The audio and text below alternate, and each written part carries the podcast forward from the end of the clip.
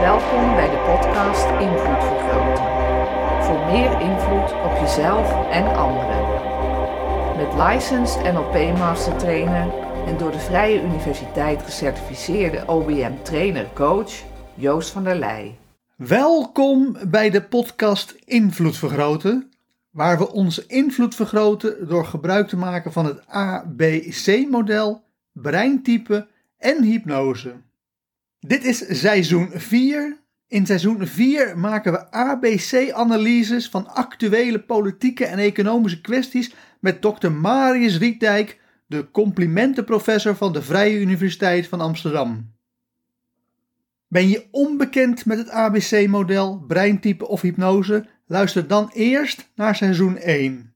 Seizoen 2 is de ABC-NLP Practitioner en seizoen 3 zijn 365 hypnotische meditaties voor elke dag 1.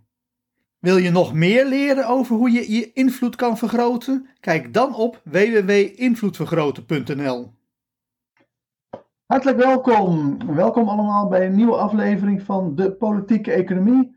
Het programma waarbij ik een gesprek heb met Dr. Maris Riekdijk, de complimentenprofessor van de Vrije Universiteit, over politiek of over economie of de combinatie van die twee, politieke economie.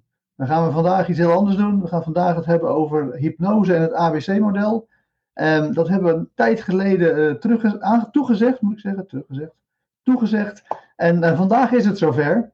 Dus vandaag gaan we het vooral uh, hebben over hypnose en het ABC-model. Hoe hypnose over de afgelopen 100 jaar in de universiteit is behandeld.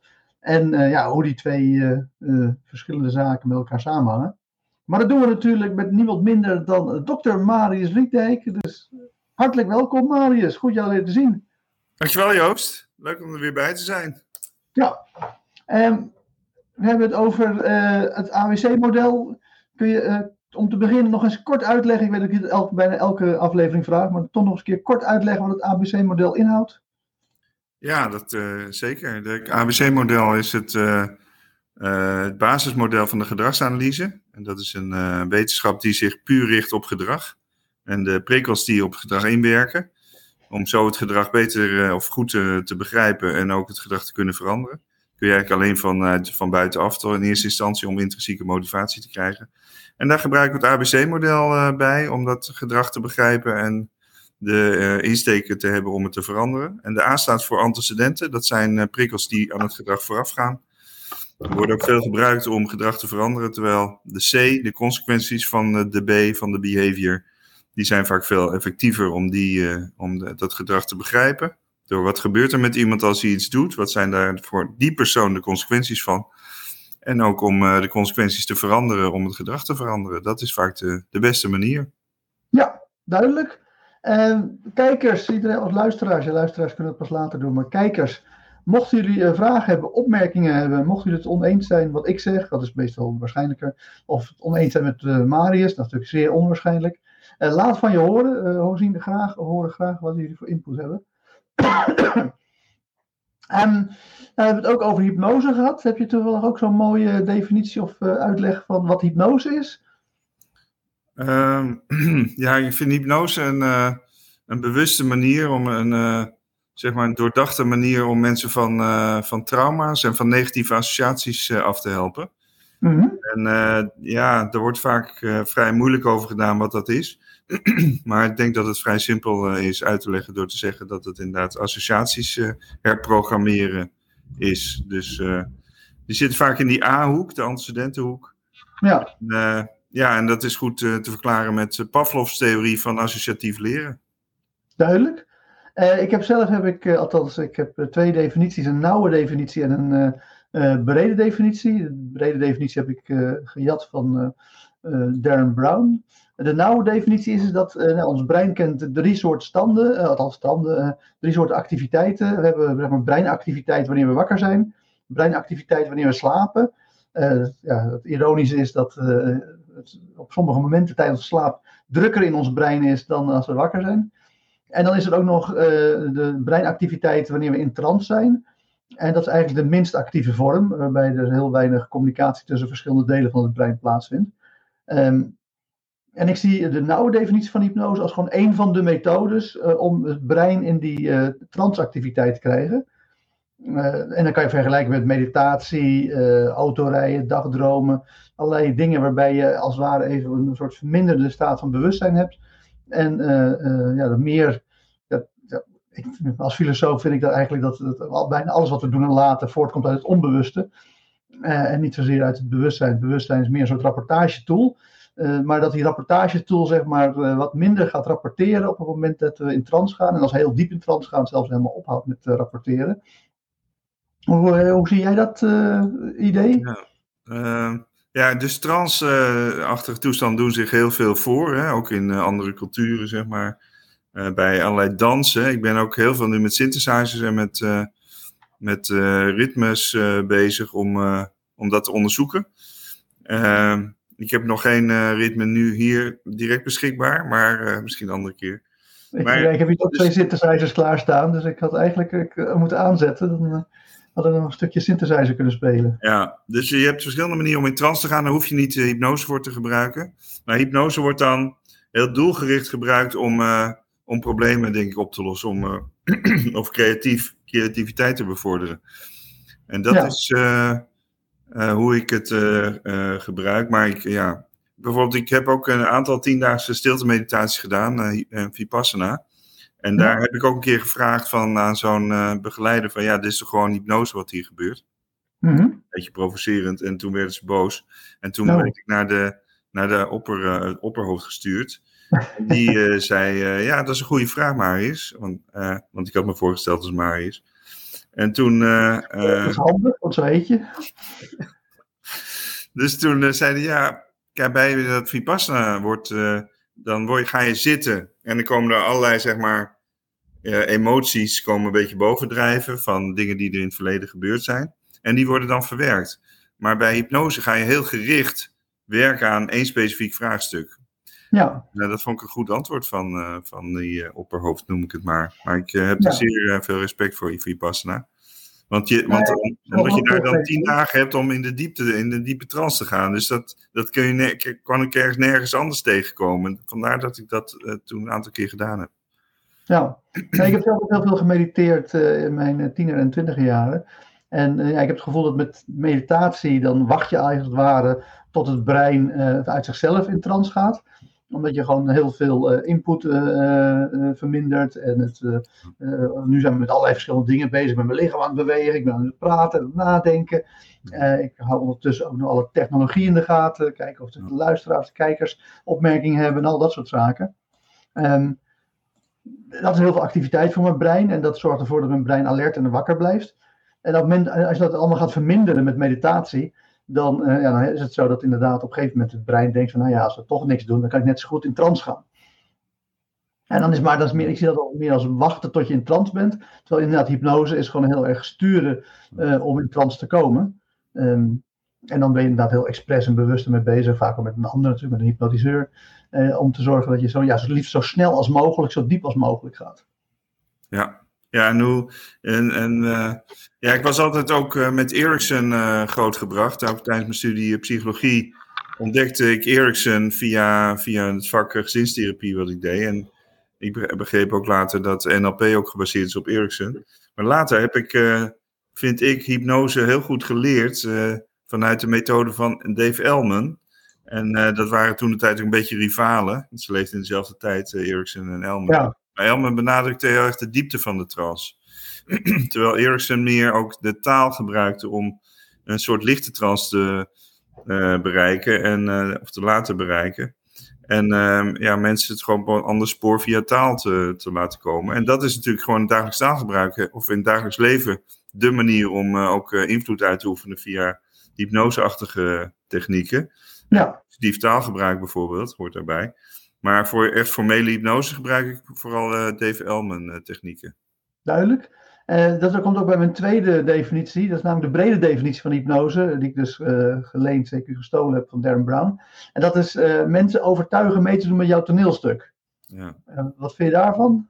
van die opvatting? Nou, het spreekt me wel aan, omdat ik zelf ook veel aan toneel vroeger gedaan heb. En ja, dat heeft me ook op, op het spoor van yoga en meditatie en, en waarschijnlijk ook hypnose gezet. Omdat je met toneel ook mensen echt kan, totaal kan, ja, begeisteren, zeg maar, om, om het in het mooi in het Frans te zeggen. En dat, dat heeft natuurlijk, geeft een heel fijn gevoel van invloed als je een zaal mee weet te krijgen met toneel. Maar zeker ook om mensen dan die al heel lang in bepaalde de oude denkpatronen zitten die niet goed werken, om die dan in jouw verhaal mee te krijgen. Of sterker nog, dat ze zelf eigenlijk dat verhaal gaan maken duidelijk. Mijn definitie pas ik altijd aan als ik in het bedrijfsleven bezig ben. Dan zeg ik, het is, uh, voor managers is het leren medewerkers mee te krijgen met jouw verhaal. Ja. Zie jij die uh, lijn ook? Uh, dat je dat, dat, dat ja, managers van bedrijven hebben liever niet, horen liever niet dat ze een, een, toneelstukje opvoeren. Dus dan noem ik het maar ja, ja, dus dat is ook, vind ik het mooie, het verschil zeg maar tussen, tussen er wordt ook wel linker en rechter hersenhelft genoemd. Hè? Dus analoog en digitaal denken. Wasserik ja. uh, noemt dat ook zo in uh, pragmatische aspecten van menselijke communicatie. En, en hypnose is dan meer de analoge kant.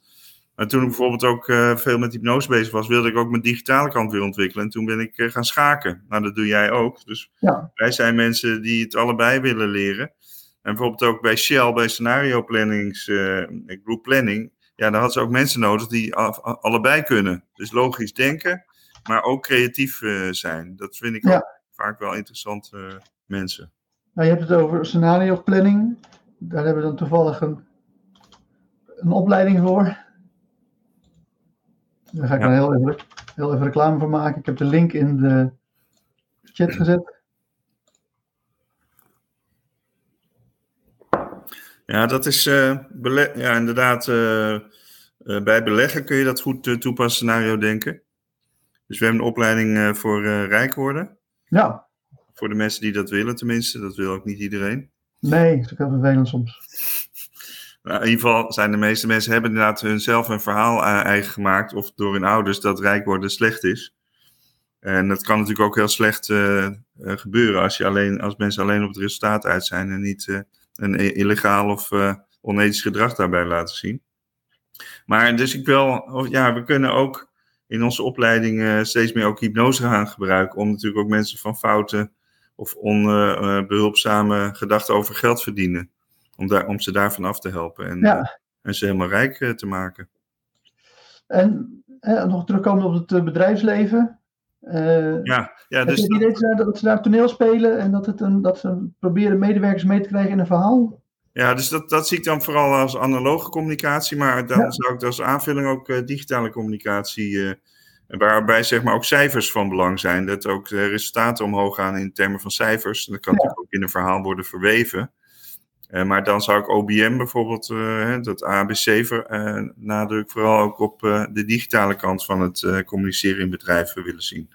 Ja, dat is een mooie link hè, tussen die twee. Het, hypnose, uh, analoge communicatie is het ABC-model dan uh, de digitale variant. Uh, het ABC-model, althans het ABC-model functioneert inderdaad bij toegepaste gedragsanalyse en OBM is toegepaste gedragsanalyse voor het bedrijfsleven. En, en stap 2 daarin het protocol is meten. en dat is dan een soort digitale ja. informatie die jij graag combineert met het analoge hypnotisch verhaal. Ja, dus dat is het logisch denken is, speelt er ook een rol. Maar ook, dat is ook goed gebaseerd op hard wetenschappelijk onderzoek. Dus niet alleen maar logisch denken en wiskunde is zeg maar belangrijk, maar ook natuurkunde, wat gebaseerd is op natuurwetten, die ook gedrag kan voorspellen. En dat, dat zie ik als, als voordelen als, van die digitale aanpak. Ehm, maar ja, dan wordt het soms een beetje leeg als je het alleen maar. Uh, mensen, ja, die worden dan een beetje moe van. Dat is wel weer goed om ze in trance te krijgen, om het saai te maken. Maar uh, het is uh, met metaforen werken, dat, dat trekt veel de aandacht. Dat begeistert meer en dat wordt meer ja. een hypnotische trance. Ja, en over hypnose gesproken. Eh, de, de, mainstream wetenschap heeft dat altijd verder gehouden tot aan zo'n beetje de jaren negentig. Totdat breinscans uh, klip en klaar lieten zien dat het brein daadwerkelijk dus drie verschillende soorten vormen van activiteit heeft. Wakker, slapen en trance. Um, maar ja, gek genoeg, de toegepaste gedragsanalyse, die heeft eigenlijk vanaf dag één dat zij bestonden, zo'n beetje eind uh, 19e eeuw, hebben ze hypnose omarmd. Kun je daar iets meer over vertellen? Ja, uh, kijk, hypnose zelf is natuurlijk, uh, zit meer in, aan, in die analoge kant, terwijl de wetenschappers toch vooral aan de, of eigenlijk bijna exclusief aan de digitale kant zitten. Terwijl bijvoorbeeld kunst, kunst en wetenschap kun je zo mooi naast elkaar zetten. Dat kunst meer analoog communiceert en wetenschap digitaal. Ja. Dan uh, is het wel begrijpelijk dat de wetenschap dat niet in eerste instantie heeft omarmd, dat hypnose. dat het zeg maar tussen kunst en wetenschap in zit. Um, uh, maar Pavlov, dat was natuurlijk een uh, exacte denker. Ja. En die heeft hypnose eigenlijk als, als laatste onderdeel van zijn grote Magnus Opus werk laten zien. Dat dat de manier is om mensen van trauma's af te krijgen.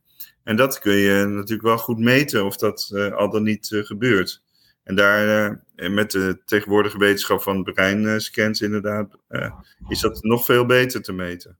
Ja, en dus in 1928 heeft hij in zijn 23ste lezing heeft hij gezegd van, joh, als je met mensen wil doen wat ik met dieren heb gedaan, dan moet je hypnose gebruiken. dat hebben we kunnen traceren. maar heeft hij ook zelf, dat weet ik eigenlijk helemaal niet, heeft hij ook zelf mensen gehypnotiseerd? Is hij met hypnose bezig geweest? Of was het gewoon puur dat hij dat zag dat andere mensen dat deden en zeiden van nou, dat, dat is een manier om te doen? Ik denk dat hij vooral een digitale denker was die niet zo goed was in het analoog communiceren.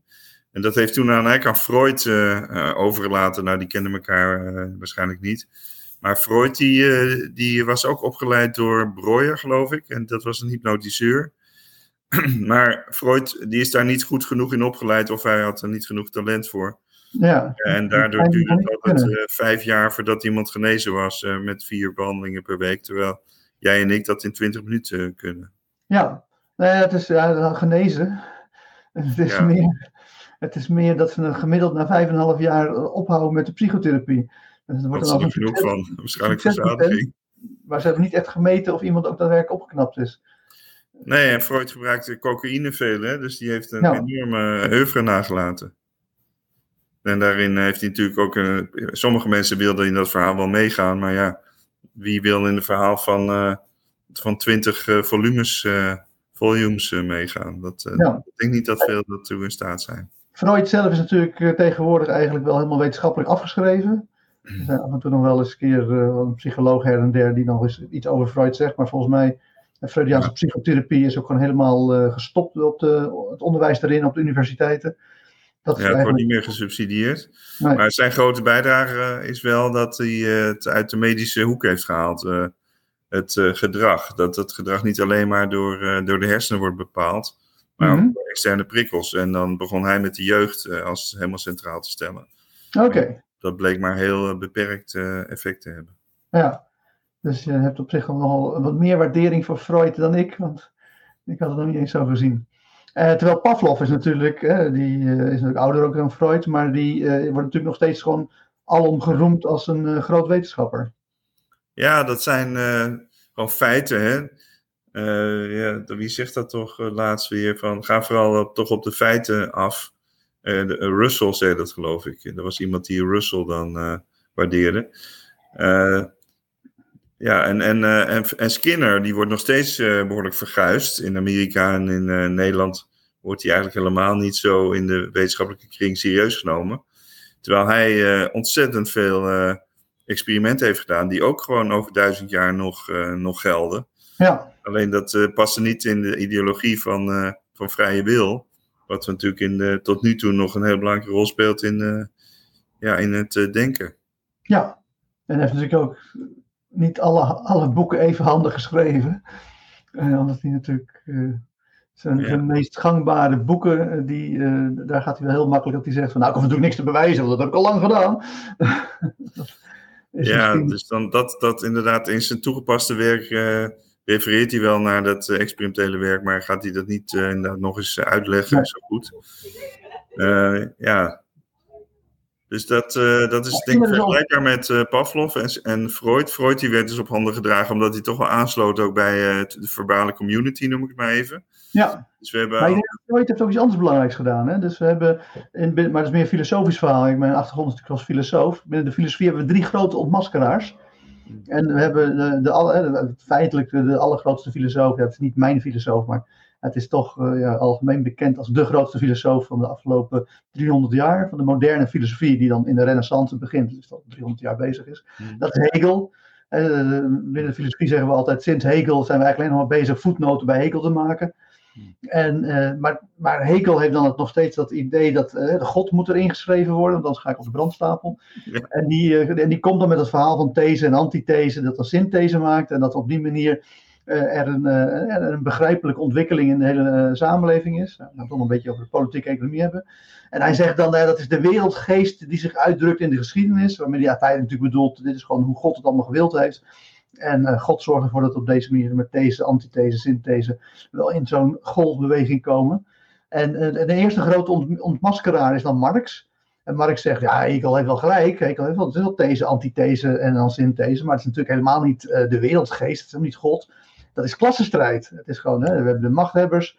En die hebben gewoon, zijn maar, met, weinigen, maar die hebben veel geld en macht. En dan hebben we de klassenstrijd. Dan gaan de arbeiders gaan ze daar tegen keren. En op die manier uh, gaan dan de, dan komt dan de socialistische heilstaat en dan hebben we weer een nieuwe, nieuwe synthese. En dan krijg je Nietzsche, dat is dan een tweede grote ontmaskeraar, die zegt, ja, Marx, dat is natuurlijk onzin. Het is helemaal niet zo dat er een strijd is tussen, kapitalisten en tussen de arbeiders. Het zijn allemaal individuen die allemaal eh, de wil tot macht hebben. En ja, de, de kapitalisten die doen dat gewoon uh, ja, door geld te verzamelen en legers. En de, en de arbeiders die hebben geen geld en hebben geen legers. Dus ja, die gaan dan uh, staken en protest doen. Hmm. Maar die doen alleen maar uh, klassenstrijd als ja, hun trucje om aan, aan, de macht te komen. En dan heb je de derde grote ontmaskeraar, dat is eigenlijk Freud. En, en die probeert dat weer onderuit te halen van Nietzsche. Die zegt dan, uh, ja, oh, wacht even, het is geen wil tot macht. Het zijn allerlei frustraties, neuroses. Het is helemaal niet zo eenduidig dat, dat mensen als individu naar voren komen. En dat is, ik denk dat daar, en dat is ook een soort politieke statement van mijn kant. Ik denk dat er ook wel veel behoefte aan was om dat uh, verhaal van Nietzsche uh, onderuit te halen. En zeker na de Tweede Wereldoorlog natuurlijk, toen de nazi's ja. met Nietzsche er mm. vandoor waren gegaan. En precies het tegenovergestelde gingen doen en, en beweerden ja. wat hij deed.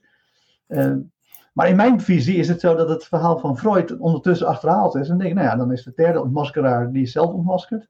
Dus dan gaan we weer terug naar uh, Nietzsche. En dan blijkt toch weer dat uh, mensen vooral bezig zijn een individuele uh, wil tot macht vorm te geven. In plaats van dat zij nou ja, klassenstrijd doen of dat ze allemaal handelen vanuit neuroses. Hoe zie jij dat? Ja, ik zie, dat is een mooi punt. bij Nietzsche, die wil tot macht, dat was natuurlijk ook Hitler, die had daar wel sympathie voor. Ja. En macht en invloed, daar zie ik dus een duidelijk verschil. Macht is uh, via dwang uh, dingen bereiken en uh, invloed via positive reinforcement, via belonen. Um, en, ja, en, en ook Skinner, die legt ook heel erg de nadruk op het woordje control. Mm -hmm. dus, maar ook om gewoon te zeggen van ja, als je wetenschappelijk zaken wil bekijken, dan moet je zien wat zijn dan de beïnvloedende factoren. En dat noemt hij dan de controlling variables. Uh, ja, en dat vind ik wel een hele objectieve manier om naar, uh, naar wetenschap te kijken. Om die controlling variables ja, te onderzoeken. En dat zijn dan bij, met, voor hem vooral de consequenties van gedrag. En dat, ja, dat stuit mensen tegen de borst, omdat heel veel mensen zeggen van ja, we hebben helemaal geen controlling variables. Ik word helemaal niet beheerst door mijn omgeving. Ik, ik bepaal zelf wat ik doe. En Skinner die ontkent dat glashard. Die zegt nee, we, we worden echt continu geconditioneerd door onze omgeving. Maar het goede nieuws is dat we ook de omgeving zo kunnen ontwerpen, ook sociaal kunnen ontwerpen. Dus dat wil zeggen hoe we sociaal met mensen omgaan, uh, dat we het beste uit mensen kunnen halen.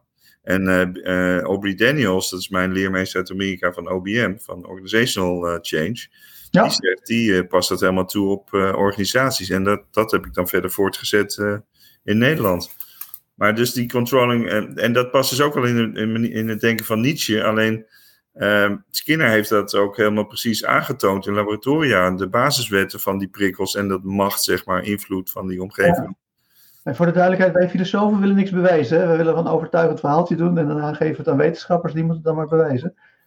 Ja, en ik vind Skinner dan, die heeft dat uh, heel over, voor mij heel overtuigend. Dus ik zie hem toch ook wel als een groot uh, filosoof. Misschien wel de grootste okay. die ik in ieder geval ken. nou, ik ga heel even van commentaar onthouden. Um, Hoeft niet, maar mag ook. Maar eh, als je de wil tot macht, uh, wat, wat, als je het andersom denkt, ik snap jouw definitie als macht, dat is vooral dwang en invloed, dat is dan subtiel. Um, maar als je andersom denkt van, hè, stel dat ik de macht heb, wat ga ik dan doen? Ja, dan ga ik toch vooral positieve consequenties voor mezelf binnenharken. Ja. Het is de wil tot macht, ja, in mijn visie. Ik, nou eigenlijk, ik heb het oeuvre van Nietzsche al zeven keer gelezen en uiteindelijk daar een paar boeken over geschreven. Eh, maar toen kende ik het ABC-model nog niet. Dus ik moet eigenlijk had het opnieuw moeten gaan lezen om te kijken hoeveel ABC-model er al in het werk van Nietzsche zit. Ik denk wel dat het goed is om het nog een achtste keer inderdaad eh, te doen. Precies. Um, maar ja, in mijn ogen is het zo dat de wil tot macht eigenlijk hetzelfde kan zijn als de wil tot uh, positieve consequenties voor jezelf binnenhalen. Ja, ik denk, kijk, ik heb hier een tekening van een, een, een meisje wat hier was met haar vader op bezoek. En die, uh, die heeft, zie, zie je, zitten krassen. Maar dat is ook voor zo'n meisje, die uh, drie jaar of vier jaar is, is een manier om uh, macht uit te oefenen, om invloed uit te oefenen. Dus ja. we willen allemaal dat ons gedrag positieve consequenties heeft, om, of tenminste dat we negatieve consequenties vermijden. Dus dat zit zo diep in ons. Ja, dat, dat is denk ik die wil, of dat de wil moet noemen, de wil tot invloed zou ik zeggen, en de, en de dwang tot macht of zo. Uh, ja, dat, dat zit denk ik inderdaad wel, daar had Nietzsche wel gelijk in ingebakken. Dat kan. Ja, hij, hij, zegt ook niet dat het een soort bewuste wilskeuze is, een wilsbepaling. Hij zegt natuurlijk dat is allemaal zijn het onbewuste processen. Ja. Ik heb nog steeds geen filosoof gevonden die het onbewuste noemt voordat Nietzsche het noemt. Dus ik ga er eventjes blind vanuit dat Nietzsche ja. het onbewuste verzonnen heeft. Hij heeft een prachtige uh, uh, zeg dat, beeldspraak waarbij hij zegt, ja, maar, jij, maar ons bewustzijn is eigenlijk gewoon wat we, wat we boven tafel zien gebeuren. En we hebben totaal geen oog voor wat er allemaal onder tafel gebeurt. Maar ja, wat wij bewust ervaren, dat is het eindproduct van enorm veel activiteit in ons brein. Uh, uh, en het is, geen, ja, het is niet de breintoestand, dat is een eindproduct. En wat eraan vooraf gaat, dat, uh, daar hebben we geen oog voor, omdat het ja, onbewust is. Ja, voor mij is onbewust ook datgene waar geen taal dan bij komt kijken. Zoals we autorijden, dat we dan schakelen als we een schakelauto hebben. Ja. Gas geven en remmen. Zonder dat we, dat, dat we daar taal bij nodig hebben. Maar we, we hebben hypnotisch schrijven. Dan hypnotiseren we iemand en zeggen we: Oké, je blijft helemaal in, diep in trance en in uh, slaapachtige toestand. Behalve je arm en je hand. En je arm en je hand kunnen uh, gaan pen pakken en verhaaltjes gaan schrijven. En dat zijn vaak ja, moeilijk leesbare, maar toch wel echt daadwerkelijk te herkennen woorden. is dat, dat is toch ook nog wel onbewust activiteit? Ja, dan weten ze op dat moment eigenlijk niet, zijn ze niet bewust dat ze dat opschrijven. Nee. Dus dan laten ze het uh, geschiedenis van het organisme laten dan eigenlijk, uh, uh, of die gebruiken ze om dat op te schrijven. Net als dat luisteraars of kijkers nu de, de, neiging kunnen krijgen om een reactie hierop te geven via taal. Of ja. door te zeggen van, goh, wat een leuke blogs en vlogs zijn dit. Laten andere mensen daar ook van profiteren. Precies. Maar dat, dat kan dan gewoon gebeuren en dan weten ze niet meer waardoor dat komt dat ze dat hebben gedaan. Ja, want mijn punt is dat we ook dat we wel een soort vaag idee hebben met ons bewustzijn waar we het over hebben. Maar dat de woorden die uit ons mond vloeien, en als we goed kunnen schrijven, ook de, de, de woorden die uit onze vingers vloeien, vrij onbewust zijn. Uh, zonder dat we al te veel over nadenken. Welke woorden ga ik gebruiken, welke volgorde, wat verbuiging nee. en dat soort dingen. We gaan niet iedere zin die we nu uitspreken, hebben we van tevoren bedacht. Nee. Iedere zin is trouwens ook bijna uniek. Hè? Dat is ook wel een leuk inzicht, vind ik. Dat uh, ook wat, wat de kijker of luisteraar uh, zegt, dat is, uh, iedere zin is bijna uniek in, in zijn leven. Ja, dus dat is ook de, hoe zeg je dat? Waarom ik zo hecht aan het beeld van het bewustzijn als rapportagetool. Het is gewoon over, ik zeg altijd, het is een soort overenthousiast rapportagetool. Het is een soort verslaggever van een voetbalwedstrijd die zo enthousiast wordt dat hij denkt dat hij zelf aan het voetbal is. En dan daar een soort persoon creëert, een soort ik creëert. En dan zegt hij, ik ben het aan het doen. Terwijl feitelijk gezien natuurlijk het rest van het brein is en het lichaam. Ja, het is weer zo'n controle-uiting. en, uh, ja, en het is vaak ook dat we dus achteraf ons, uh, ons gedrag uh, rechtvaardigen door, door daar een taal, door er een verhaal aan te, aan te knopen. Ja. Sterker nog, we zijn zelfs heel goed in ons gedrag te rechtvaardigen als we ons niet eens op die manier gedragen hebben. En ze hebben zo'n proef waarbij je dan gevraagd wordt om tussen twee vrouwen het aan te wijzen welk van de twee je het mooist vindt. En dat is dan de, de, de, de zeg maar de degene die het experiment afneemt, is feitelijk een, een goochelaar. Jij goochelt ook. Dus iemand die vingervlug is. En die wisselt dan, dan haalt hij ze als het ware zo weg. En dan legt hij er eentje naar voren toe. En dan legt hij de andere, waarvan je net gezegd hebt dat het de lelijke is. Ja. Dan legt hij die neer. Oké, okay, je hebt dus deze gekozen als de mooiste. Wat zijn nou de redenen dat je deze zo mooi vindt? En dan gaan mensen gewoon te plekke gewoon allemaal redenen vinden waarom dat het mooiste was. Terwijl het feitelijk gezien net de andere keuze was. Ja, geweldig experiment is dat, ja. ja. En ja.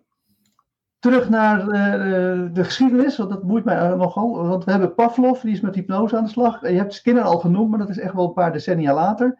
En daartussen zitten een aantal andere markante figuren. Bijvoorbeeld professor Hull. Wij zullen weinig mensen van gehoord hebben, maar dat was toch op een gegeven moment de grote aanvoerder van het uh, toegepaste, of van, van misschien waarschijnlijk klinische gedragsanalyse in Amerika. En weet je iets over de, de, de, geschiedenis van professor Hull en ook hoe die in relatie stond met uh, Pavlov? Ja, die heeft wel Pavlov uh, bestudeerd en ik, volgens mij was Eriksen ook een leerling van Hull. Ja, precies, daarom kom ik erop. Ja, uh, mijn... ja dus uh, Hull die, die combineerde veel meer dan Skinner. Uh, de, die combineerde het operant en, en klassiek leren. Dus operant leren de heeft Skinner bedacht. Ik weet, denk dat Hull wel een beetje in die tijd van Skinner leefde. Nou, hij, is het, hij heeft natuurlijk, Milton Erickson is, zijn, is, is gepromoveerd bij Hull. En dat is in de jaren 30. Dus ik weet niet, dus toen was toen was uh, Ericsson was toen zeg maar zo'n rond de 20. Dus dan zal die Hulde een beetje misschien al 40, 50 geweest zijn. Ja, die was dus ouder. Ja, ehm, ja maar die, combineer, die zat dus meer in de gedragstherapiehoek, was hij denk ik een theoreticus. Ja. Ehm, terwijl, ja, en, en daar zit Pavlov ook, ook duidelijk in. Die zei van, ja, dat moet je echt duidelijk scheiden. Die emoties ook, die van angst en woede die ontstaan door, door trauma's. En die kun je dus weer uh, ook herstellen door mensen blij en gelukkiger te maken. Door te tegenconditioneren, klassiek, via hypnose-achtige technieken. Dus hij was denk ik meer de theoreticus. En Eriksen was dus echt iemand die daar, die daar vol voor ging. Die zei, ja, dat vind ik zo mooi. Daar. En die had zelf natuurlijk Eriksen ook allerlei hele zware kwalen. Zoals kinderverlamming. Hij had zijn moeder, uh, de dokter had tegen zijn moeder gezegd hè, dat hij had hij gehoord dat hij de volgende ochtend niet zou halen. Mm toen is hij zo hard gaan vechten mentaal van dit zal ik mijn moeder nooit aandoen. Dat hij ja, toch enorme prestaties heeft geleverd. ondanks zijn hele zware pijnen en ziektes. En ook mede door zelfhypnose heeft hij, is hij, heeft hij die pijn bestreden. En ja, dat is voor mij ook een enorme inspiratie geweest, omdat ik zelf gelukkig nog niet en hopelijk nooit last van grote problemen heb gehad, dacht ik van ja, je hoeft niet ziek te zijn om beter te worden. En de mhm. sleutel van de, van de hemel ligt in de bodem van de hel. Maar als je dan uh, niet de hel hoeft mee te maken, moet je toch wel door jezelf te pijnigen, min of meer bijvoorbeeld door te, uh, yoga en meditatie, kun je zelf ook best wel pijnigen. Of, of, uh, en, en dan kun je zelf je weer tot nog grotere hoogtes op, op werken. Ja, ik heb ondertussen even opgezocht over Hul. Hul leefde van, even kijken, 1884 tot 1952. En hij wordt wel gezien als de, de grondlegger van de moderne hypnose. Hij is eigenlijk, uh, hij heeft ooit een keer les gehad een van de Jawstraw. En uh, ja, toen maar het was een hoogleraar, dacht ik, hè? Dus hij ja, heeft ja. veel... Uh, ja, dat heeft hij heeft waarschijnlijk wetenschappelijk wat meer ja, aannemelijk gemaakt. Of daar, ja, dat, ja, hij heeft een boek geschreven, Hypnosis en Suggestibility. Dat een rigoureuze studie was van hypnose. Zowel statistische als experimentele analyses.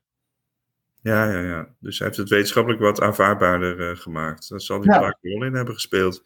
En dus ook leerlingen hebben gehad, zoals Eriksen, die dat verder hebben ontwikkeld. Ja. Want Eriksen heeft natuurlijk ook heel veel ook wel wetenschappelijk gepubliceerd. Hè? Heel veel uh, case studies vooral. Ja.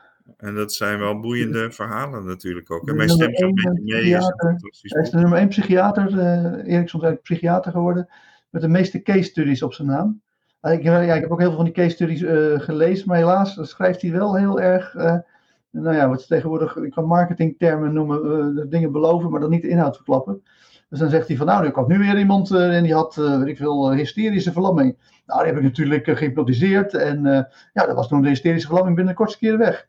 Dan zeg ik, oké okay, vriend, maar schrijf eens even op wat je precies gezegd hebt en hoe je het gedaan hebt en welke techniek je toegepast hebt. In plaats van alleen maar te zeggen dat je het gedaan hebt. Ja, hij, hij heeft dat ook wel, in veel verhalen heeft hij dat toch ook wel beschreven, of ook soms met de hulp van Jay Haley. Ja. Die heeft hem meer geïnterviewd over zijn, hoe hij dat dan gedaan heeft. Maar voor mijn stem gaat met je mee. My Voice Go With You. dat, dat is een heel leuk boek. Waarin een soort 50 hele korte casussen staan beschreven. En hij legt niet inderdaad de techniek van hypnose uit. Nee. Dus uh, dat en doet... Die, die Haley, die snapte van mij niet zoveel van. Want ik heb al die, als videomateriaal, dat verdwijnt altijd heel snel. Ze zetten er bovenop om dat de weg te halen. Maar ik heb het toch, nou ja, laten we zeggen, in handen gehad, ooit, de enige tijd. En dan is het elke keer is die zo, dan zegt hij, dan gaat hij, dan heeft hij, uh, laat hij opnames zien van Ericsson met een cliënt. En, uh, en dan, nou, gaat hij uitleggen wat er allemaal gebeurt. Nou, dat gaat allemaal prima. Maar op een gegeven moment dan, uh, gaat Ericsson tegen hem aan kletsen, want hij staat waarschijnlijk achter de camera of zoiets. En dan, maar dan kapt hij het af. En dan zegt hij, ja, nu gaat Ericsson weer hele verhalen vertellen over zijn gezin. Dat deed hij altijd heel erg fijn. En dat, uh, maar goed, dat is natuurlijk niet relevant. Dus, maar ja, als je veel van hypnose weet, dat je juist de momenten dat hij over zijn familie begon en, uh, en uh, over zijn kinderen ging vertellen tegen die Haley, dat hij bezig was die Haley te hypnotiseren. En ik vind het zo grappig dat hij dat echt zelf helemaal niet door had. Maar dat volgens mij die verhalen ook, als je maar, zijn samenvatting van die verhalen hoort, dat dat dan ook typisch is dat volgens mij Eriksson precies tegen hem vertelt van, joh, je, je zit nu wel te veel met te vertellen wat ik zogenaamd doe, maar je begrijpt er niet zoveel van. Ja, dat, dat vond ik ook wel fascinerend aan Eriksson hoor. En ik heb zelf ook een leraar gehad, uh, Henk van Dongen. Die, ja, die kon dat toch ook uh, gewoon iedere keer in het dagelijks taalgebruik gewoon echt heel bewust langzamer gaan praten. Of het symptoom aanmoedigen, zoals ik net even zei, van ja, ik verwacht er wel dat je ook nog voor een achtste keer dat werk uh, leest. Precies. Uh, ja, dat, dat, uh, dat is heel subtiel en ja, dat vond ik wel, vind ik wel heel mooi aan Ericsson. Ja, dat is ook echt wat Ericsson natuurlijk geïntroduceerd heeft. Het is een soort verschil tussen directe hypnose en indirecte hypnose. Heb jij daar een goede definitie van? Ik heb een hele goede definitie gevonden in een, een dik boek over de, de, wetenschap van hypnose. Dan ben ik die definitie weer vergeten. Ik moet het nog steeds opzoeken. Maar wellicht dat jij al een ja, mooie definitie hebt. Ja, directe hypnose versta ik van dat iemand contact met me opneemt. Zegt ja, ik wil dat wel eens ervaren, zo'n zo'n hypnose sessie. En dan gaan we gewoon heel diep die trance creëren. Ja. En indirecte hypnose is ja, kijk, alleen al door een, een positief woord te zeggen van geluk bijvoorbeeld. We, zijn, we zullen allemaal gelukkiger worden. Morgen zul je gelukkiger zijn dan vandaag. Dat is al een soort indirecte hypnose. Omdat uh, Ja. die, dat er een positieve associatie gelegd wordt. Ja, dat wordt meestal gezien als uh, con- conversationele hypnose, Ja. waarbij je inderdaad niet iemand in een trance brengt. En, Ja, zover ik het begrepen heb, directe hypnose, dan zeg je alleen maar directe commando's. Doe je ogen dicht, ga in trance. eh, Hmm. en terwijl indirecte hypnose je veel meer, eh, eh, ja, wat je net deed, suggereren van, nou, er is natuurlijk de mogelijkheid dat wanneer je nu luistert, dat je hier zo enthousiast over wordt, dat je dan het sterke gevoel van binnen krijgt, dat je dit graag wilt delen met andere mensen. Nou, mocht dat zo zijn, deel het dan ook met andere mensen, want je weet dat je niet alleen jezelf ermee kan verblijden, maar ook heel veel andere mensen in je leven. En dat dat meer gezien wordt Ja. als indirecte hypnose. Dus die, eh, die eh, commando die jij nu gaf, dat is meer dan een directe eh, variant. Nou, de eerste van ga in, doe je ogen Ja. dicht, ga in trance, dat is dan de directe hypnose. Ja. En de andere is eh er meer omheen praten. Ja. Ehm, Richard Bentley is natuurlijk weer een leerling van Milton Erickson. En die heeft ook Hmm. eh, eh, boeken over hem geschreven, dat Milton dan als compliment gaf. Nou, Richard Bentley heeft op een prachtige manier de basis van wat ik doe uitgelegd. Terwijl Richard zei, ja, dat is gewoon helemaal niks meer dan dat. Ehm, maar ehm, volgens Richard Bentler, maar nou ja, dat is altijd de vraag of dat helemaal klopt, is het zo dat hij op het einde met Milton Erickson eh, geweest en dat Milton Erickson zag dat hij eigenlijk een, het wel op een indirecte Milton Erickson manier deed hypnose, maar dan allemaal toch een stuk sneller dan dat eh, Milton het zelf deed. En dat hij ook wel zei van, Milton ook wel zei van, eh, ja, ik- als ik zo terugkijk op mijn eh, carrière, heb ik het wel heel erg indirect gedaan en wel heel erg veel tijd eh, kwijt geweest. Ja. Kijk, eh, wat ik ook goed vond aan Eriksen was dat hij altijd one-up eh, wilde zijn. Mhm. Dus dat hij altijd een soort, eh, een beetje als een soort god eh, speelde. Ook Ja. was, er- was er iemand eh, bij hem in behandeling die zei dat God het er niet met hem eens was eh, eh, dat hij in hypnose-sessies ging. En Ja. toen ging Eriksen aan die patiënten instructies geven dat hij tegen God het een en ander moest zeggen, dat God toch wel het een en ander beter moest leren begrijpen. Ja, Dus hij ging altijd one-up. En Jay Haley heeft, daar ook, heeft dat wel heel mooi omschreven, vind ik. Bijvoorbeeld The Power Tactics of Jesus Christ heeft hij een, is een mooi artikel. Over Mhm. de kunst van de psychoanalyse, waarin hij Freud eigenlijk afbreekt door te zeggen dat hij wel heel simpele technieken gebruikt om steeds one-up te zijn bij de patiënt. Bijvoorbeeld door zo'n divan uh, te installeren. Waar, en het onbewuste, waar je eigenlijk ook eigenlijk nooit uh, tegen, tegen in kan gaan. Uh, dus dat, dat one-up-manship van Ericsson en het beschrijven daarvan van Jay Haley. Mm -hmm. Dat vind ik wel heel belangrijk. En dat, dat probeer ik ook altijd zelf wel te doen. Dat ik ook in relaties ja, toch altijd net even probeer uit te dagen. Omdat uh, ik ook one-up uh, dan wil zijn. Om mensen toch even te laten spartelen. Ja, spartelen klinkt heel uh, lelijk. Ja. Maar dat ze dan echt gemotiveerd worden om toch weer een stapje verder te gaan. Om die uitdaging ja. aan te gaan. Ja. En want one-up, dat, daarmee bedoel je dat je dan even laat zien dat, dat je nog een, een verder, verder persoonlijke ontwikkeling hebt. Of ja. techniek of dat soort dingen. Ja. En zodat de ander dan uh, het gevoel krijgt van, hé, hey, ik kan nog veel meer leren. Ik, ja. Er is nog veel meer wat ik uh, kan bereiken in mijn leven. Precies. Um, ja. Maar ik neem aan dat jij het met me eens bent dat uh, uiteindelijk als wij mensen trainen, dat, ja, dat voor ons geen mooie compliment is als andere mensen ons overvleugelen. Ja, ja dat, dat, daar wacht ik altijd natuurlijk met smart op naar. Dus geintje. maar ja, er zijn op allerlei mogelijke dimensies over, word ik overvleugeld. En uh, probeer ik ook, uh, uh, voor zover dat in mijn eigen invloedssfeer zit en mijn eigen expertise, ook bij te blijven of iets nieuws te leren of mijn eigen uniciteit verder te ontwikkelen. Maar zeker ben ik ontzettend blij dat, dat ik ook zelf veel uitgedaagd word. Ja. dus de, ik weet nog van Milton Erickson dat hij met een jongen werkte die heel conflict had met de autoriteitsfiguur van zijn vader. En toen zei Milton Erickson, ja, maar je hebt helemaal niet uh, zoveel vrije wil als dat je denkt en zo. Je bent sowieso onderhevig aan allerlei uh, invloeden van buitenaf. En zo heb ik bijvoorbeeld nu al de datum van de volgende sessie in je hoofd geprogrammeerd. En dus kom gewoon opdagen. Ik ga je niet vertellen wanneer het is, maar kom gewoon opdagen wanneer jij denkt van nu is het tijd. En dan zal ik je laten zien in mijn agenda dat uh, ik dat al gewoon keurig ingeschreven had en het dus in jouw hoofd geprogrammeerd heb. En uh, nou, die jongen komt dan, weet ik, een paar weken later, komt hij weer langs en dan laat hij inderdaad zien van, zie je wel. En dan heeft de jongen helemaal zo'n openbaring van, oh, mijn, mijn strijd tegen mijn vader is helemaal nutteloos, want uh, ik uh, zit sowieso al in een heel web van allerlei invloeden waar ik helemaal niet oog voor heb. En ik heb die, die techniek heb ik zelf ook gedaan bij een van mijn master practitioner opleidingen. En het komt er eigenlijk op neer dat je continu benadert, irrelevante feiten benadert. Hè? Dus, dus dan kan je bijvoorbeeld zeggen, nou het is vandaag, uh, Marius, jij weet net, net, als ik, dat het vandaag geen dinsdag is, toch? Ja, dat klopt inderdaad. Het is geen dinsdag, nee. En, en ik heb dat met de kleur paars gedaan. Ik zei, en de, en de kleur vandaag is ook niet paars. Nee. Dus op die manier heb ik elke keer de laatste sessie benadrukt. Hè. Zei ik op elke derde sessie, of el, elke trainingsdag uh, zei ik elke keer van, dit is niet de laatste sessie. Hè. En de kleur vandaag is ook niet paars. En, dat, en die mensen oh, ja, waar heb je het over? En tot, van de tien deelnemers, of van maar dertien deelnemers, van de dertien deelnemers verschenen er twaalf in, paarse kleren op de laatste sessie. En, uh, en één niet. en, uh, en, en die, maar er was één vrouw bij, die kwam allemaal uit uh, Twente. En die bleef ook dan in Amsterdam slapen, omdat het een heel weekend was. En die zei ook tegen mij, die kwam in een heel lang paars gewaad. Ze zei, ja, dit is mijn huistrui. Ik had helemaal niet ik snap ook helemaal niet waarom ik dit meeneem. Maar achteraf, ik, dat is ook het enige paars wat ik heb. Maar dat was echt, iedereen kwam binnenlopen, dat echt zoiets, hè? En dus je kan door inderdaad gewoon uh, ja, irrelevante feiten te ontkennen. Maar ook uh, door mensen in verwarring te brengen, inderdaad. Ook. Maar dit is wel heel mooi hoe je dan toch die mensen weer krijgt, gewoon voor, voor de lol misschien. Maar om het gewoon eh, in verwarring te brengen over Zandvoort bijvoorbeeld. En en de boel bij elkaar houden als je het uh, niet zo goed meer weet. En je dan uh, maar liefst door, uh, door een glazen ruit gaat zitten kijken. Ja.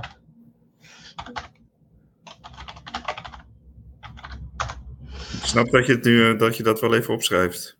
Ja, ja nee, ik moet wel heel eventjes... De, de, FC Twente is vierde geworden en nu denkt iedereen dat, ja, wat doet Twente anders dan alle andere clubs in Nederland? Ja, dat is dat ze met Joost van der Leij werken. Ja. Voor de rest doen ze het allemaal hetzelfde. Dus de, de, nu hebben ze, heeft iedereen verzonnen in de voetbalwereld dat de enige reden is waarom zij uh, boven verwachting op de vierde plek staan, omdat ze met mij werken. Ja, en, en dat jij weer met mij werkt, dat, dat hebben ze gelukkig nog niet in de gaten. Ja, dus ik continu zeg ik, ja, dat is niet zo, dat is niet zo. Het is, uh, Twente is niet succesvol vanwege mijn bijdrage. Het is niet dat het omdat ik daar iets aan doe wat uniek is en bijzonder, dat ze dan opeens veel beter presteren dan verwacht. Dat, dat zeg ik continu, dat het nadruk natuurlijk aan alle kanten dat het niet zo is. Dat is het toch zo dat uh, uh, dat ze nu veel aan het trekken en de rest van de wereld aan de voetbal. Wil je het zo benadrukken dat jij er helemaal niet zoveel uh, mee te maken hebt? Precies. Ja, dat is, dat is vervelend. Kijk, ja. Kan je er wel mee omgaan met die, met die beelden? Um, nou, het is, het is best druk op het ogenblik. Dus, maar ik moet nu heel eventjes een berichtje sturen, omdat ze op het punt stonden een rapportje van mij te publiceren en of dat wel of niet mocht. En, en voor mij mocht dat wel natuurlijk. Maar zijn je tarieven anders te laag? Mijn tarieven zijn duidelijk te laag, ja. En ondanks het feit dat het uh, wel beter gaat dan ooit, mijn werk in de voetbalwereld, is het nog steeds zo dat. Ja, het, is, het, ligt niet alleen aan mij, het is de hele voetbalwereld breed, is dat ze uh, de, de, scouts en de data-analysten en dat soort dingen gewoon echt zwaar onder betalen. Omdat ze alles in de voetballers willen stoppen. Terwijl, ja, als je de juiste voetballers haalt. Ik heb ook een, een beleidsplan geschreven. Met dan beleid, drie beleidsplannen die je gewoon direct kan invoeren als voetbalclub. Waarvan eentje is, huur gewoon één speler minder per jaar. En ze halen elk jaar halen ze ongeveer zes spelers. Van die zes spelers mislukken er twee, gemiddeld.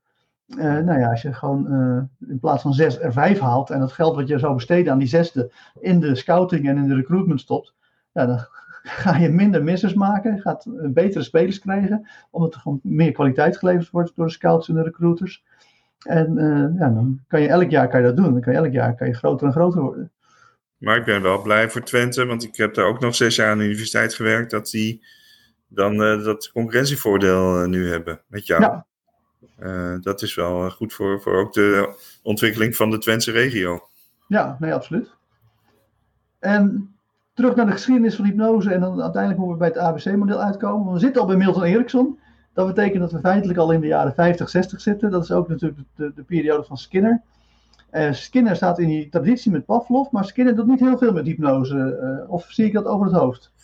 Nee, hij, uh, hij noemt het misschien twee keer of zo. In verbal behavior noemt hij het woord hypnose. En dan ziet hij het als, als verbale conditionering.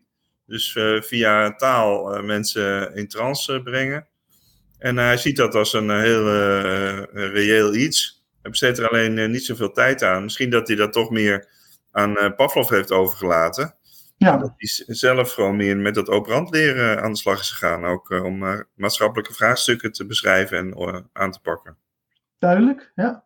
En dan heb je binnen hypnose een van de bekende, dat is wel door Milton Erickson de wereld ingeholpen. Dat is, uh, um, ja, het wordt gezien binnen de hypnosewereld als feedback. Ik zou het een compliment noemen. Dat noemen ze mindreader. Op het moment dat je iemand aan het hypnotiseren bent en je ziet dat iemand daadwerkelijk de uiterlijke tekenen van trance gaat vertonen. De huid wordt of rooier of witter, het hoofd gaat naar voren buigen, de slikreflex verdwijnt. De uh, huid wordt ook soms wat, wat, gaat wat meer hangen als de spieren in de huid wat gaan ontspannen. Uh, dat hij dat dan ja, bevestigt, ik zou, ik zou bijna zeggen positief bekrachtigt. Ja. Met inderdaad, dat is de bedoeling. That's, dat is de beroemde That's right van Milton Erickson. zie je dat ook als zijnde dat dat positieve bekrachtiging is? Ja. ja, en ook weer geruststellend. En eh, ja, dat is wat er continu tijdens een hypnosesessie gebeurt. Hè? Je, je gaat je ontspannen voelen.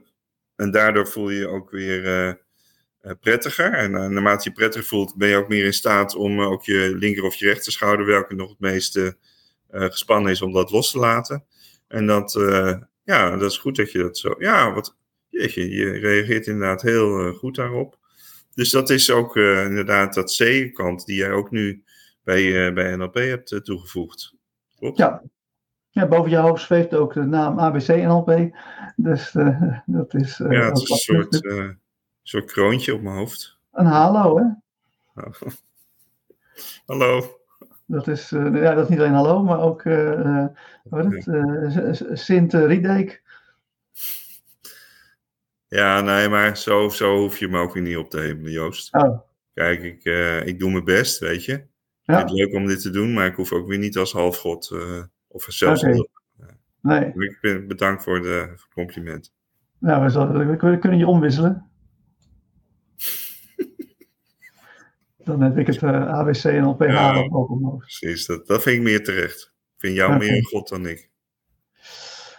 Ja, ik, eh, ik heb in ieder geval een opleiding NLP Magic waarbij mensen eh, achterkomen dat ze al die tijd God geweest zijn of inderdaad een plek onder de goden veroveren. Maar Erikson heeft ook, ze- ook sowieso twee leuke kazen over Jezus Christus, hè?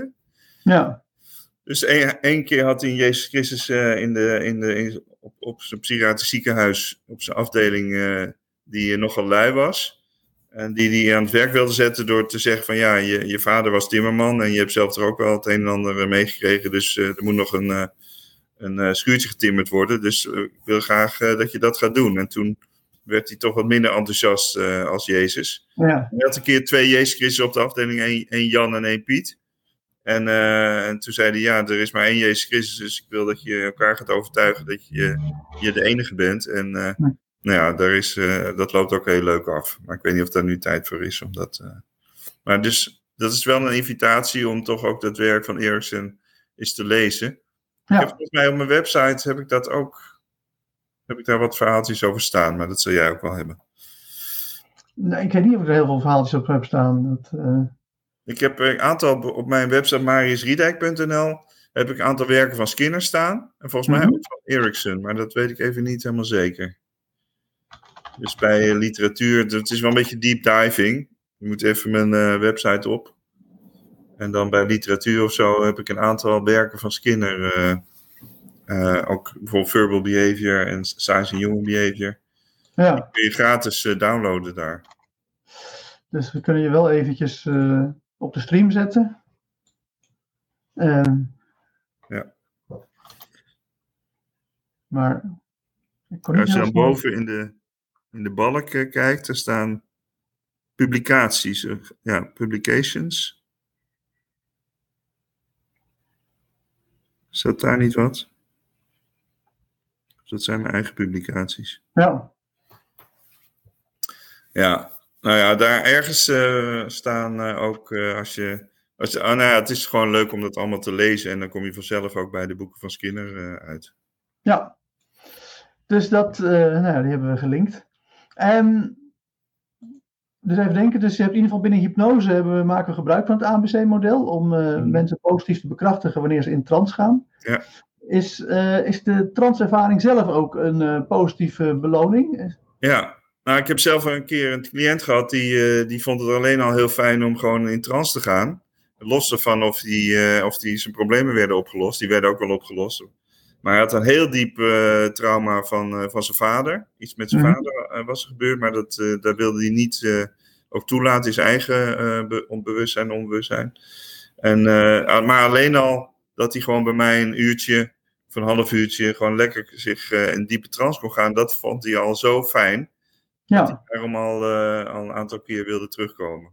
Duidelijk. En je geeft hem dan geen hypnotische opname van jou? Dat hij gewoon lekker elke dag een half uurtje...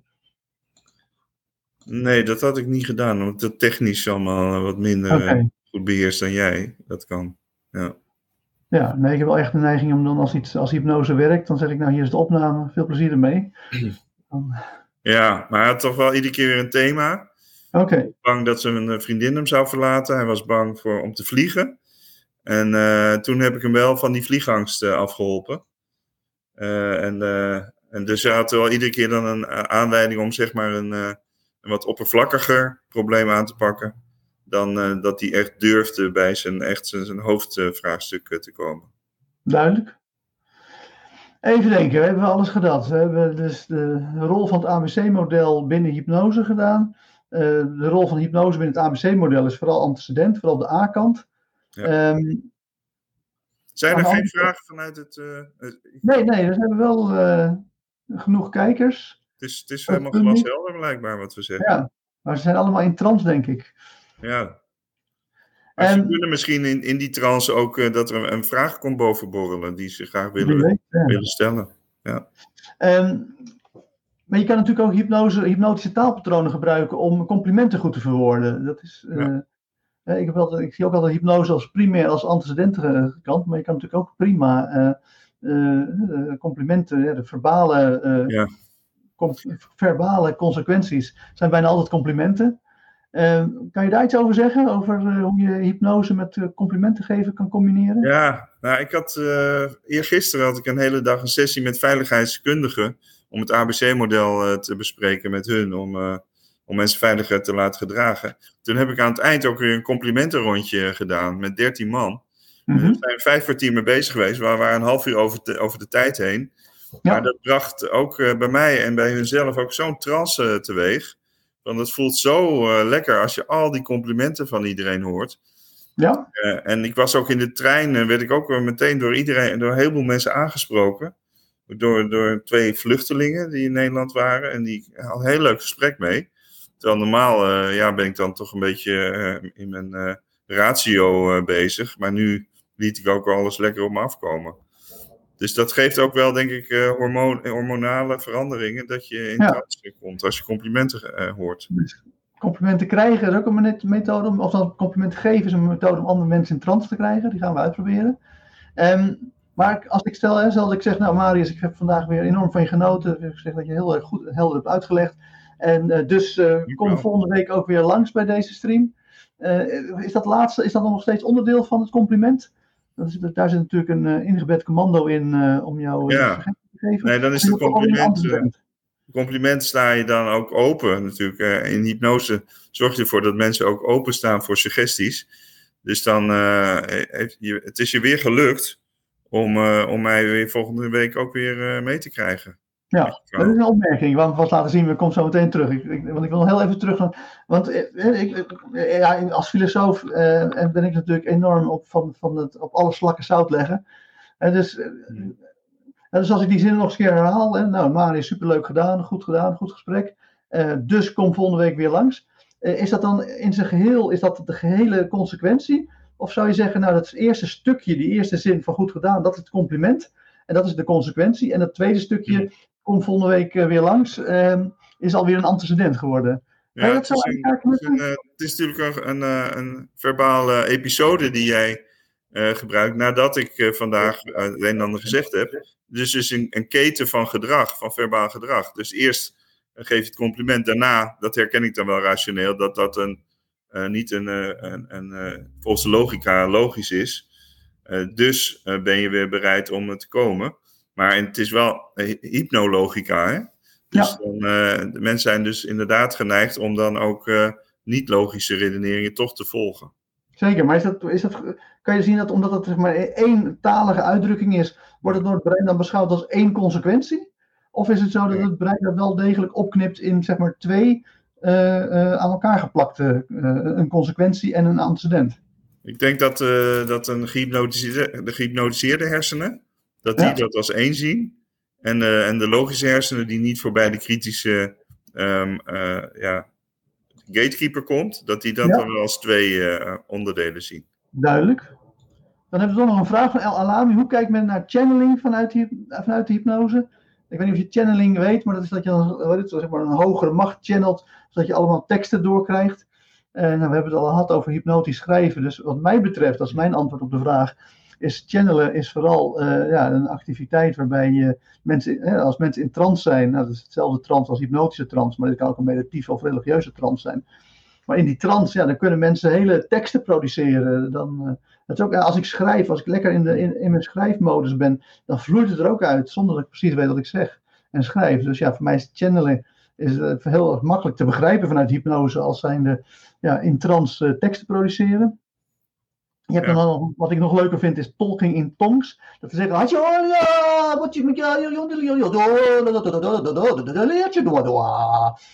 dat, ja, dat, als je, dat kan ik alleen maar als ik in trans ben natuurlijk. Uh, maar maar Kaproski pone Ajkar Wat je Amar, je niet helemaal Ja, haat.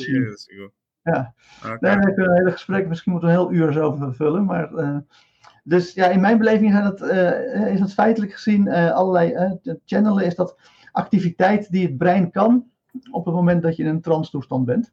En, ja, en dat zie je ook bij, uh, bij uh, regisseurs en acteurs. Hè? Regisseurs zijn hypnotiseurs en acteurs zijn gehypnotiseerden die zich dan ja. helemaal kunnen inleven in een bepaalde rol. Ja, en dus, de, uh, en dus ik maak altijd een onderscheid bij dit soort zaken. Altijd? altijd? Altijd. Wij, dat is wat wij nog bij Magic doen. Dus wat is nou feitelijk wat er gebeurt in het brein en wat is nou feitelijk het uh, externe gedrag dat we kunnen waarnemen. Uh, aan de ene kant en aan de andere kant de ideologie die mensen er vervolgens aan koppelen. En dat is vaak een soort spiritueel verklaringsmodel. En ik denk dat je die twee helemaal uit elkaar kunt halen en dat je kunt zeggen van nou dit is gewoon wat er in het brein gebeurt.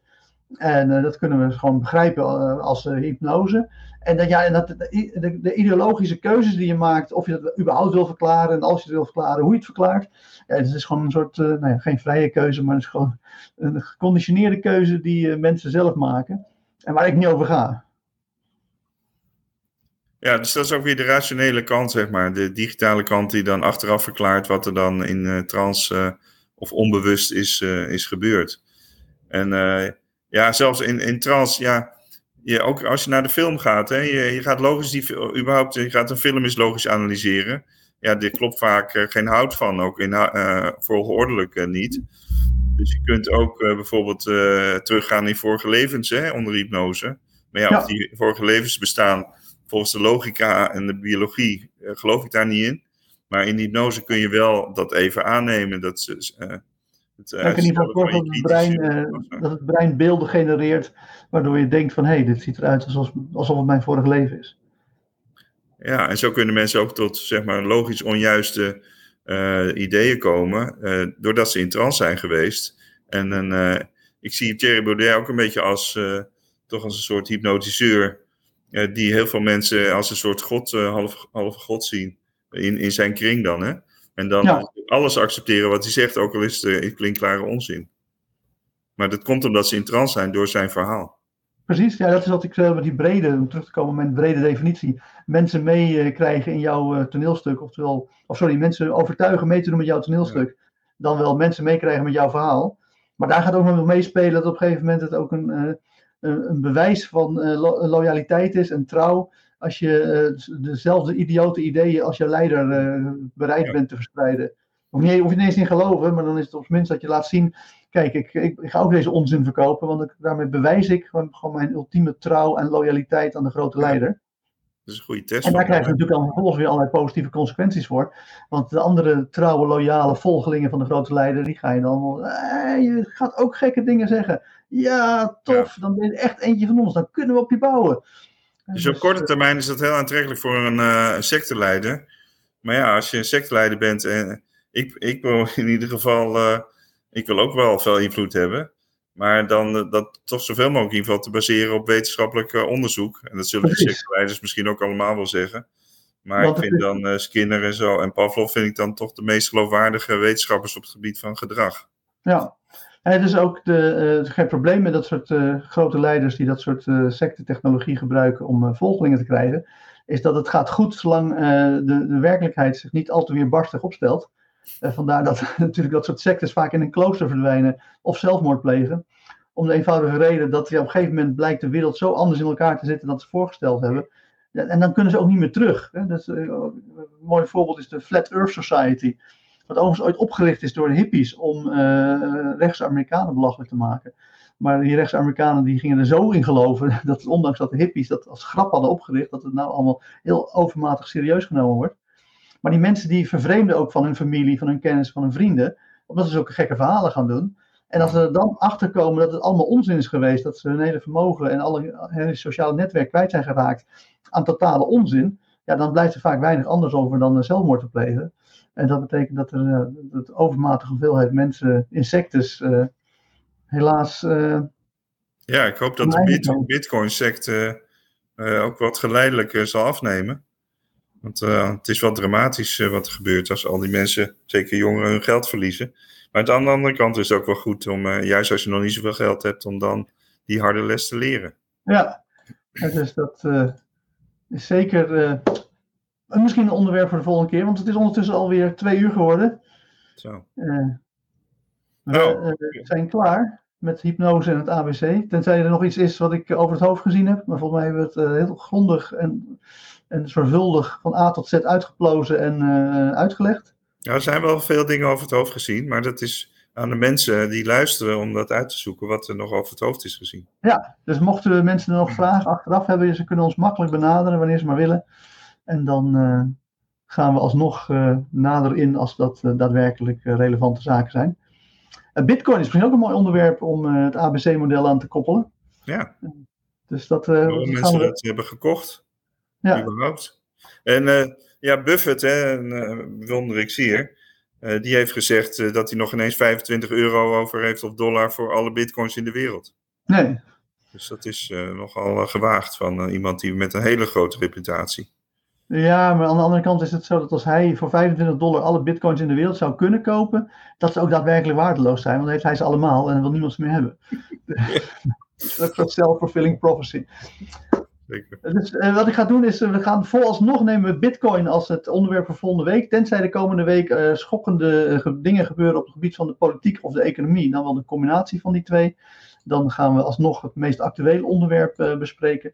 Maar zo niet, dan gaan we het eens eventjes lekker over bitcoins en cryptomunten in het algemeen hebben. Marius, super dank voor een super interessant gesprek. En weer super leuk om jou zo te spreken. En nou, wij gaan elkaar. oh, Alami heeft nog een, een vraag. De huizenmarkt. Ja, ik denk dat dat een apart onderwerp is.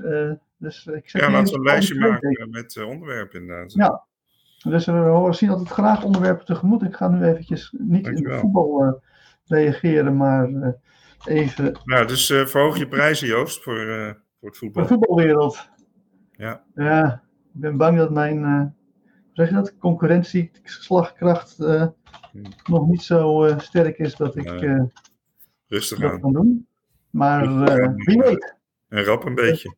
Ja. Ben ik volgende week ben ik, in een hele andere gemoedstoestand, omdat we opeens mega goede aanbiedingen hebben uit de voetbalwereld.